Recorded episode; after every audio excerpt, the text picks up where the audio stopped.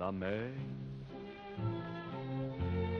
qu'on voit danser le long des golfes clairs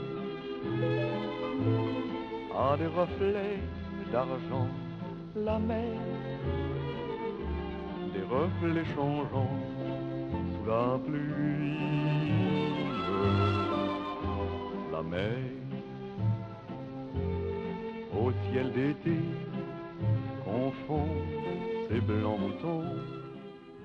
Selma satt på en stabel med gamle lastebildekk og tygget tyggis. Faren hadde kjøpt både tyggisen og en lavendelblå kjole med hvite blomster til henne i Amerika. Han hadde det og mer til med seg i en rutete pappkoffert da han kom hjem på landlov og sa at han hadde savnet henne så veldig. Det var den kjolen hun hadde på seg der hun satt på lastebildekkene i solen og vippet med føttene og smilte til meg.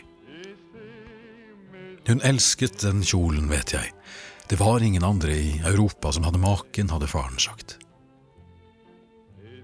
En ukes tid senere sa han takk for seg og mønstret på utenriksfart igjen, og siden hadde ingen sett ham. Mannfolk gjør slikt, pleide moren hennes å si, det er bare å venne seg til det. Men jeg lurte på hvor mye de egentlig hadde vennet seg til det. Man kan se på et menneske, på en familie, at det står ganske dårlig til innerst inne. Det er den tilbakevendende trettheten slike omgir seg med. Selvskrytet, kanskje. Se på meg, jeg klarer alt mulig, det er bare å løfte haken og bite tennene sammen og sette på seg et smil. Og med tiden, den tydelige kulden som legger seg rundt slike mennesker, den manglende evnen til å forstå, ta imot og gi fra seg empati. Når noe har hendt og du spør men ble du ikke lei deg, du må jo ha blitt veldig sorgtung av det, og får til svar nå skjønner jeg ikke hva du mener, er det tydelig at noe i et menneske har forvitret. Men tiden den gang var knapp. Det var ikke tid til annet enn å finne fotfeste igjen etter krigen. Arbeidsfolk fikk klare seg uten føleri og utenomsnakk. Det var stor slitasje på lastebilene på den tiden. De kjørte fram og tilbake, fylt til karmkanten med sandlass og pukk, som skulle bli betong og nye veier. De kjørte grovhøvlet trelast fra havna og opp gjennom moene. Kunstgjødsel i tunge grovpappsekker til storgårdene, og teglstein til tomta der det nye rådhuset skulle stå. Gummidekkene måtte skiftes ofte, de slitte hjulene ble skrudd løs av sjåfører og hjelpegutter med vante hender, sorte av motorgrease og solarolje, og lempet på en stor haug bak havnekranene. Lastebilsjåførene som losset og lastet og byttet dekk, snekkerne som balanserte på takmøner og hilste muntert og plystrende ned med sår og flisbyller i håndflatene, Murerne med sine grå, tørre, oppsprukne never, landmålerne og ingeniørene med sine bleke, knoklete kontorfingre med notatblokker og målestav i de støvete veikryssene, de var et fellesskap. Det gjaldt å bygge solid, for framtida. Far med sin kolonialbutikk var del av det fellesskapet. Han bygde landet for statsminister Gerhardsen, og for Amerika, han også, mens mor kokte kålruletter og stekte sild og hadde med seg en og annen føyelighet hjemmefra. Hva gjorde jeg den sommeren? Tja, jeg drev dank og var avmektig forelsket. Selma var 15 år den gang, ett år yngre enn meg. Nå satt hun på en stabel med gamle dekk, tygget tyggis og ropte til meg tvers gjennom skramlingen av krankjettingen og hviningen av stål på havna. Hei, sailor, blir du med og bader der oppe, du vet, sånn som sist? Å, Selma med smilehullene. Jeg visste ikke da hvorfor hun valgte meg den sommeren, men hun gjorde det, og jeg smilte. Klart jeg vil. Jonas sto med en kjepp i hånden, slo i buskene og ropte. Skal dere opp til vannet, da vil jeg bli med. Det kan du vel? Du sier da ikke nei til broren din, sa Selma til meg og spyttet tyggisen ut i støvet. Og kanskje i ettertid sett så var det vel min feil også at jeg aldri sa broren min imot. Liene var bratte, vi klatret opp stien, rispet oss på leggene på lyng og kjerre, jeg gikk bak henne og festet blikket i den smale korsryggen, lot det gli nedover leggene. Hun hadde en fillete skitten plasterlapp på innsiden av det høyre kneet, den hadde løsnet halvveis av svette og regnvann. Jeg sa det til henne, hun svarte, den kan du få ta av når vi kommer fram, så får vi se. Å, det var så løfterikt. Da vi kom opp til vannet, stakk Jonas inn i et lavt skogholt. Han pekte mot toppen av et bjørketre. Kråkeunger! Og så var det bare Selma og jeg igjen. Hun la seg på magen i lyngen nede ved vannkanten, strakte ut beina, snudde hodet på skrå ned mot meg. Først er det plasteret, sa hun. Plasteret på kneet hang løst i den ene kanten. Jeg rev det av med et rykk mens jeg så henne inn i øynene. Pupillene hennes viet seg ut et kort sekund da rykket kom, men ingen smertegrimase, tvert imot et smil. Jeg rev meg på en spiker på utedoen på Samfunnshuset. Kjenn på det. Sårskorpen var myk og blålig, og det piplet en rosa bloddråpe fra den ene ytterkanten der plasteret hadde revet i huden. Og nå gjør vi som sist, sa hun, satte seg på kne og vrengte av seg kjolen. Kle av deg du også. Buksa og skjorta mi, underbuksa, sokkene, pent brettet sammen inntil den lavendelblå kjolen og undertøyet hennes, sandalene våre på geledd ved en stein, det var det hele. Og som sist, fortsatt ingen kjærtegn, ingen hånd på et bryst, intet kyss, bare oss to, nakne, liggende langflate mens vi stirret opp i en endeløs blå himmel og det var fred. Ingen kunne se oss, jeg kjente hver knaus og hver stabbestein rundt vannet, vi var de eneste som visste om denne veien opp, Selma, Jonas og jeg. Jonas fylte 18 den sommeren, men det var noe som manglet på alderen. Jeg hørte at mor og far hadde tilløp til samtaler om det. Det var alltid mor som snakket mest om det, og bestandig far som lot samtalen løpe ut i sanden. Far hadde gått realfag og klarte ikke å snakke om annet enn penger og det han kunne kjenne mellom hendene. Han var best når han kunne snakke om maskiner, det nye kjøleaggregatet på butikken som holdt melken og fløten kald, påhengsmotoren han skulle kjøpe til sommeren, atomalderen som ville gjøre alle husmødre lykkelige fordi det kom nye maskiner.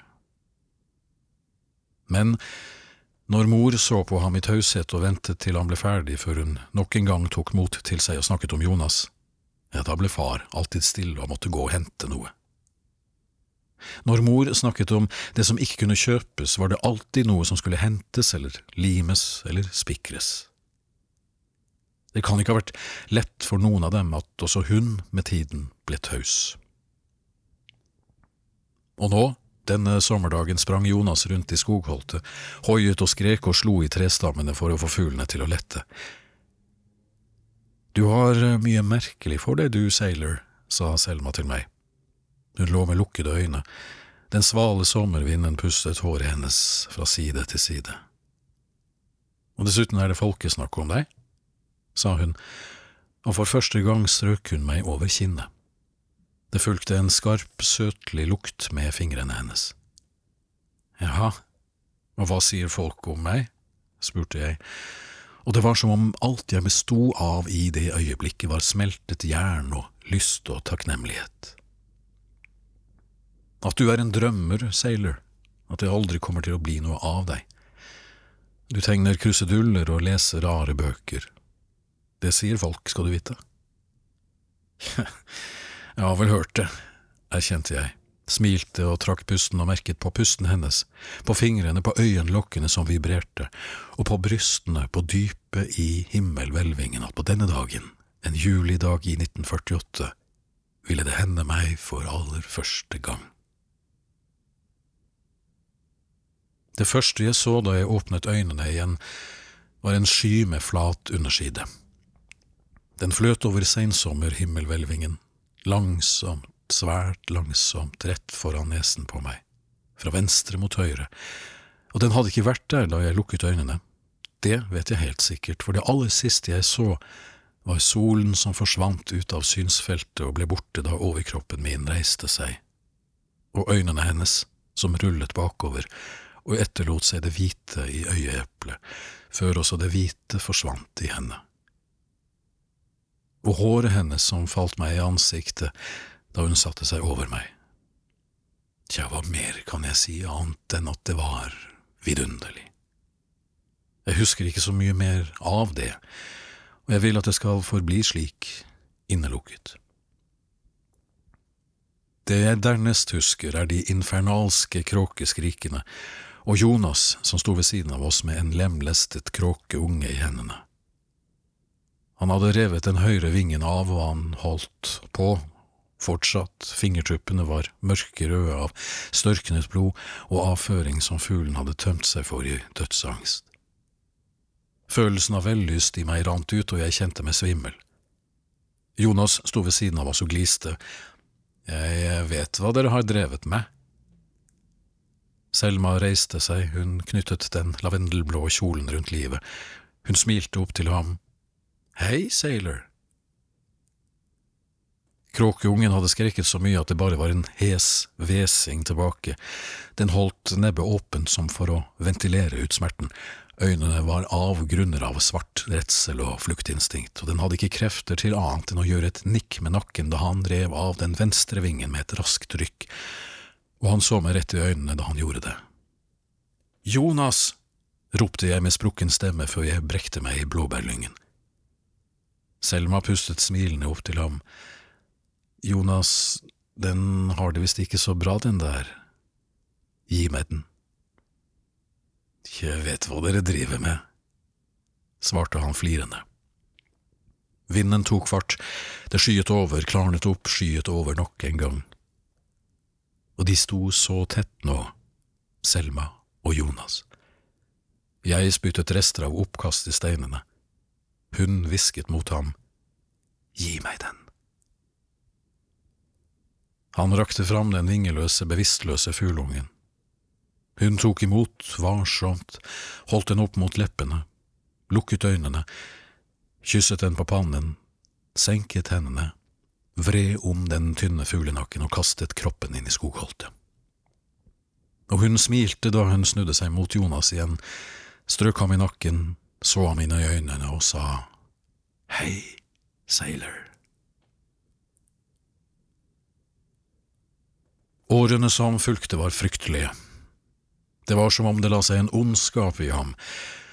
Det var ikke hat, for hat er noe sympatisk og edelt, og med ondskap følger grådighet, det er en uunngåelig konsekvens, slik er det bestemt. Jonas ble en slik mann. Og han ble omfavnet av sine likemenn, for slik har denne bygda bestandig vært. Det er et sosialdemokratisk samhold der alle er avhengig av alle for at grådigheten skal kunne sirkulere. Det burde ikke ha kommet som en overraskelse på meg at det ble Selma og ham. Slike mennesker finner hverandre. Men sviket hennes var så altomfattende at det ikke var til å bære.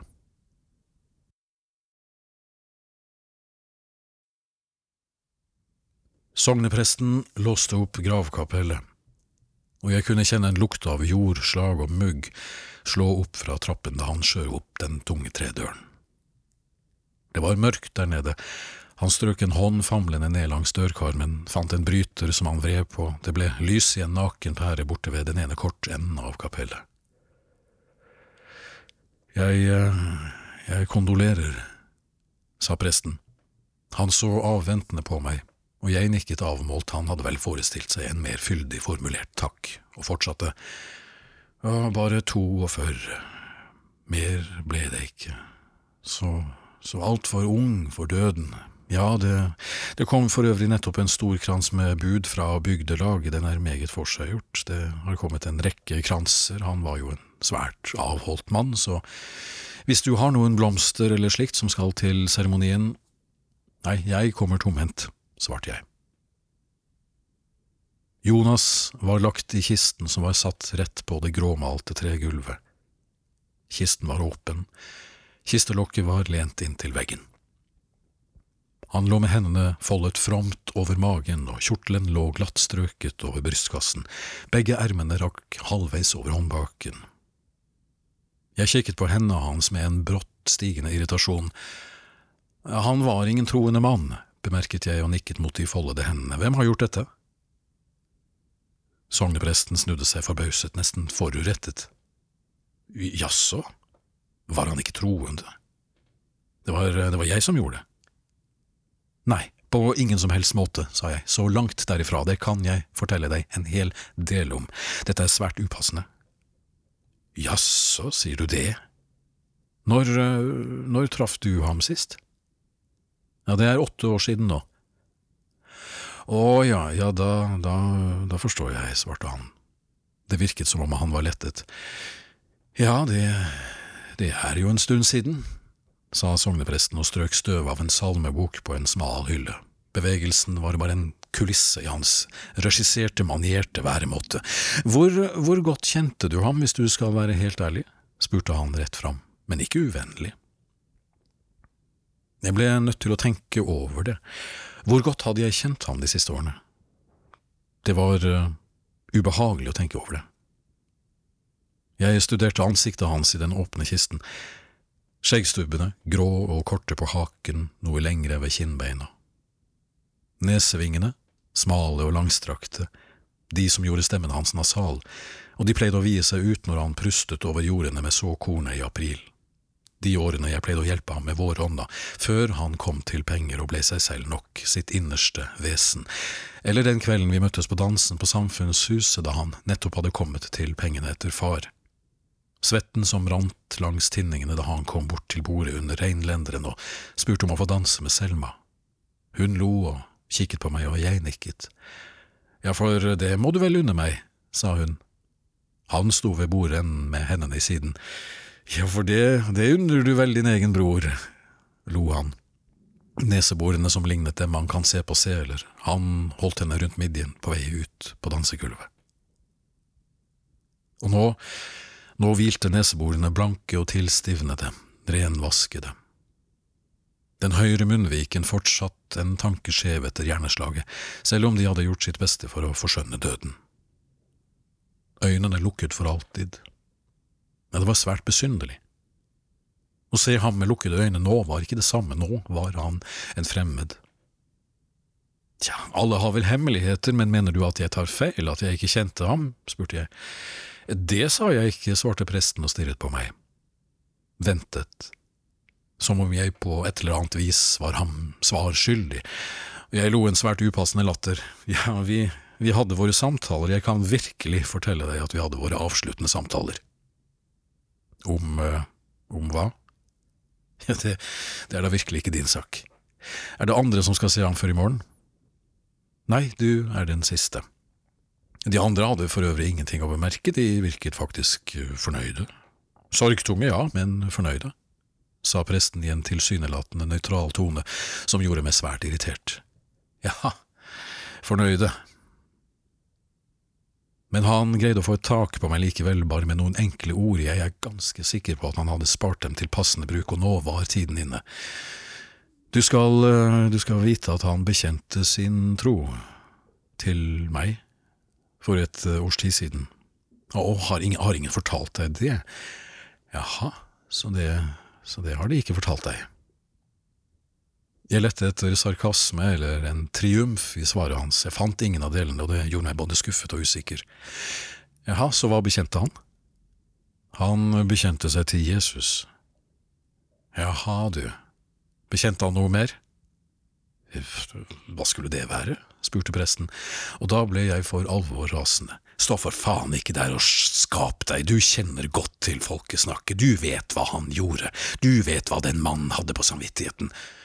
Eh, jeg forholder meg ikke til folkesnakk, svarte han og viftet det hele vekk med en hånd. Ba han om synsforlatelse? Jeg, jeg kan ikke snakke om slike privatsaker. Men du forteller altså gladelig at han bekjente seg til Jesus? Ja, Jesus er ingen privatsak. Jeg vil vite om han ba om tilgivelse for noe, om det var noe annet han bekjente. Du må forsone deg med at det får du aldri vite. Jeg kan fremsi minst to av Guds bud han forbrøt seg mot, kanskje tre, og det burde interessere prestemannen folkesnakker ikke, sa jeg høyt og med ettertrykk. Om det er noe som er uverdig her, så er det dette, at du står og hever stemmen over en død, forsvarsløs mann. Jaha, så nå er det ham det er synd på, spurte jeg, og jeg kjente jernsmak i kjeften da jeg sa det. Presten senket stemmen, han kom helt bort til meg, så nær nå at jeg kunne kjenne pusten hans, som luktet gammelmanns ånde og gebissklister.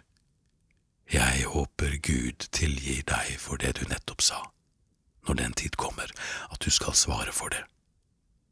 Du står her og æres skjeller dine egne blodsbånd, en hedersmann, en som sognet kan takke for svært meget, og du vanærer en dypt troende i min menighet, har du ingen skam i livet. Hvem har egentlig invitert deg hit? Det raker deg ikke, jeg har sett nok, og jeg har sagt mitt. Jeg var andpusten av raseriet mitt, sognepresten var rødsprengt av sitt. Mer var det ikke å tilføye for noen av oss. Han slukket lyset i kapellet, og det var blitt mørkt utenfor. Vi skiltes med et nikk, ikke noe mer.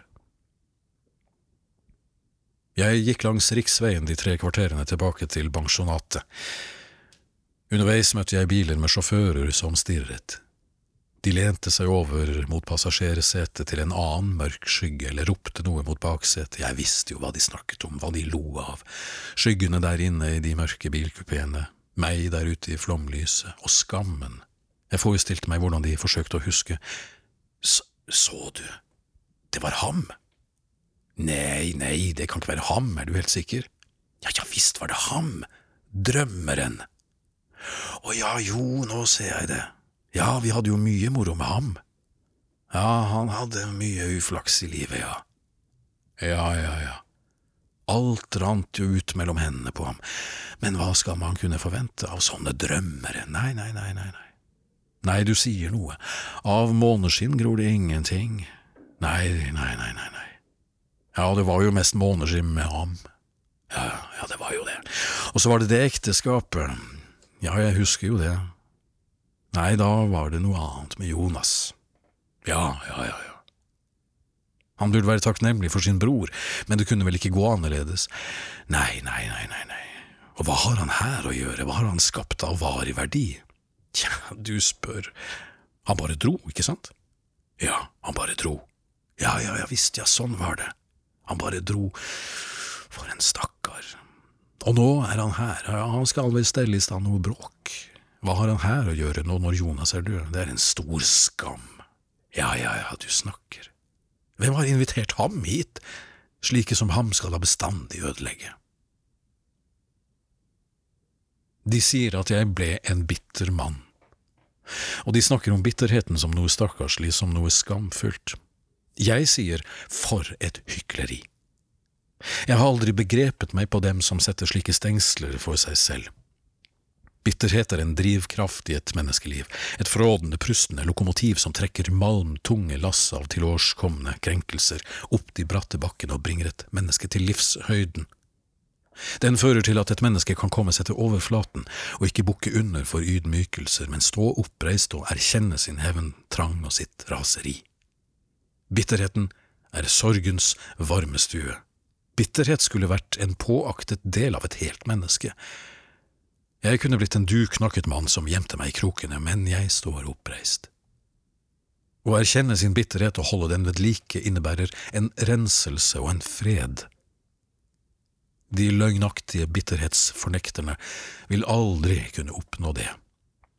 De som bruker andre menneskers bitterhet til å hevde seg, til å fortsette å plage, til å gjøre seg morsomme på bekostning av andre menneskers type tragedier, og det står en kulde rundt dem, og alle er redde, disse kyniske menneskene. Jeg var redd dem i skolegården, og jeg er redd dem nå.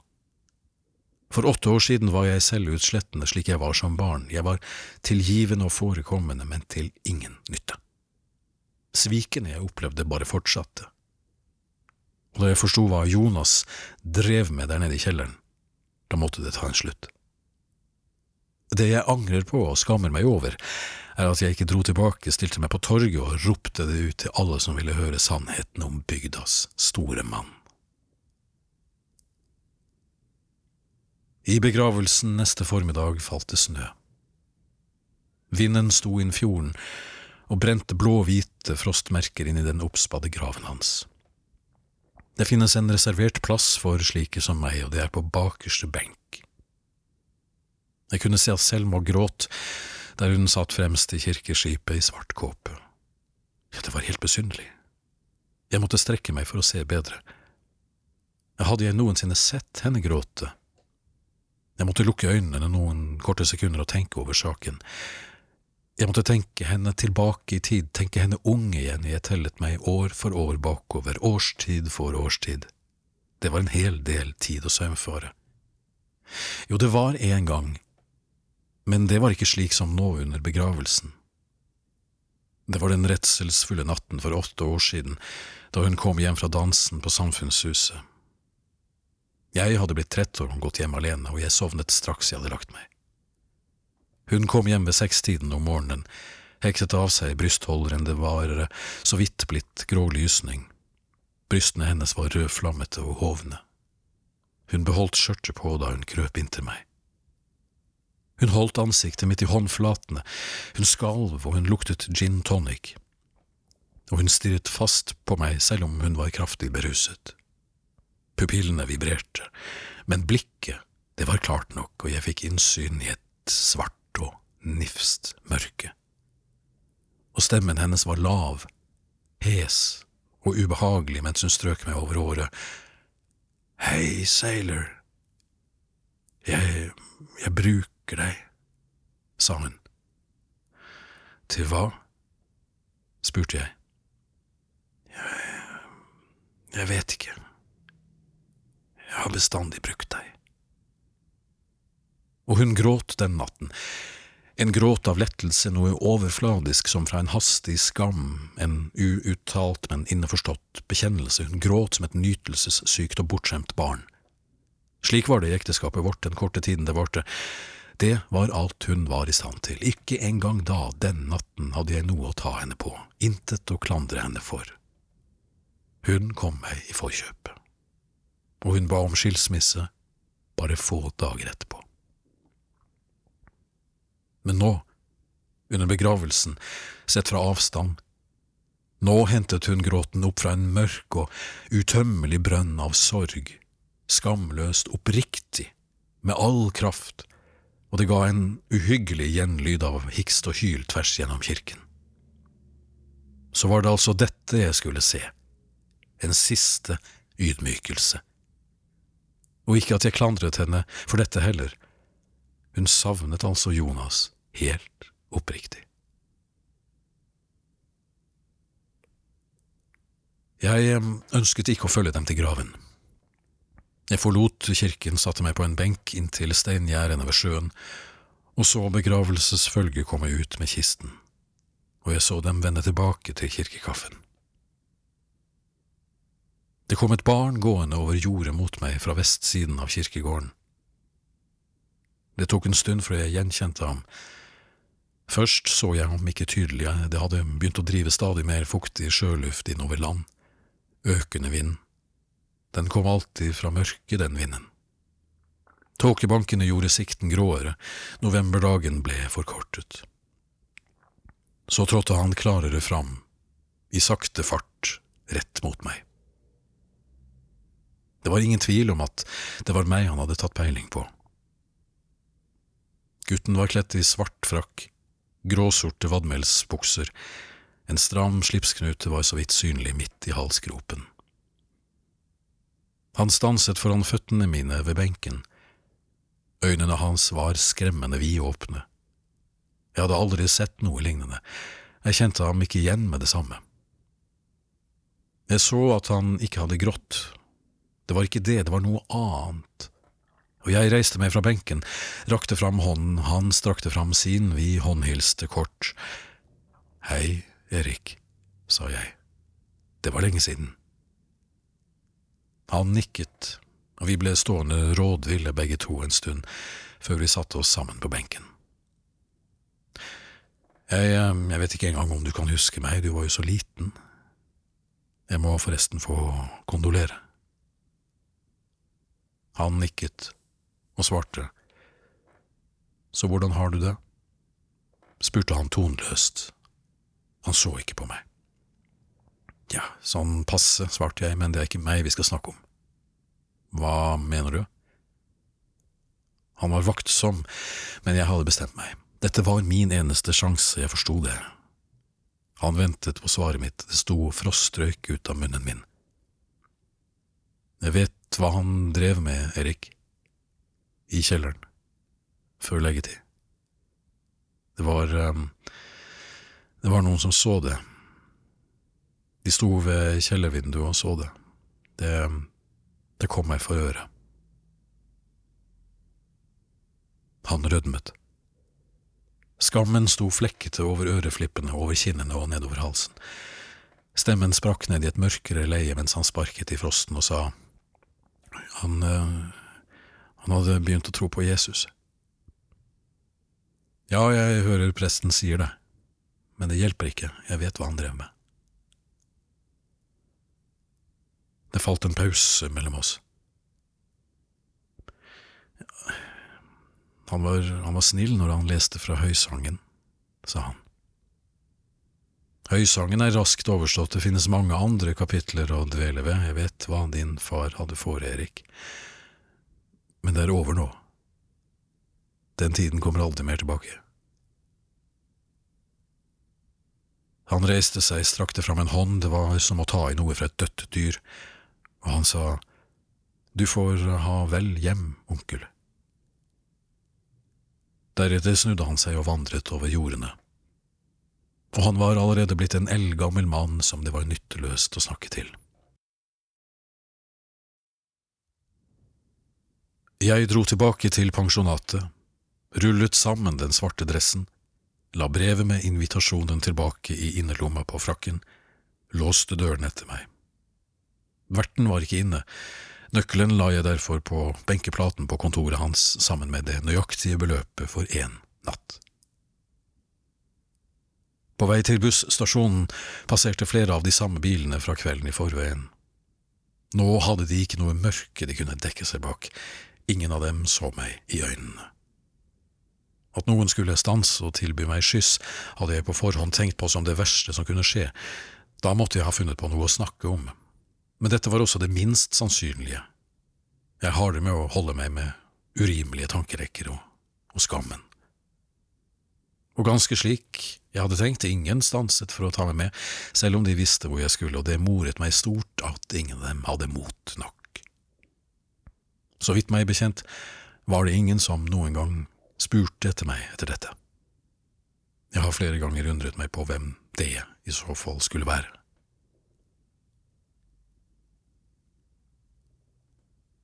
Det går gamle menn rundt her ute for tiden. Jeg er redd for gamle menn. De spisser munnen, plystrer atonalt, eller de later som om de plystrer bare med luft ut av den rynkete munnen og de går med hendene på ryggen, uavlatelig som om de leter etter noe å inspisere. Et sprukkent rør, en sykkel, en nylagt asfaltstripe, en tentamen, slike ting, hva vet jeg. De går med krokete rygg fra sted til sted, man vet aldri hvor og når de dukker opp. Hendene foldet bak, og de får en til å føle seg skyldig i noe, de får en til å skamme seg over noe, over hva som helst, det spiller ingen rolle hva med buskete øyenbryn som de kniper sammen når øynene plirer og anklager en for noe bak duggete brilleglass.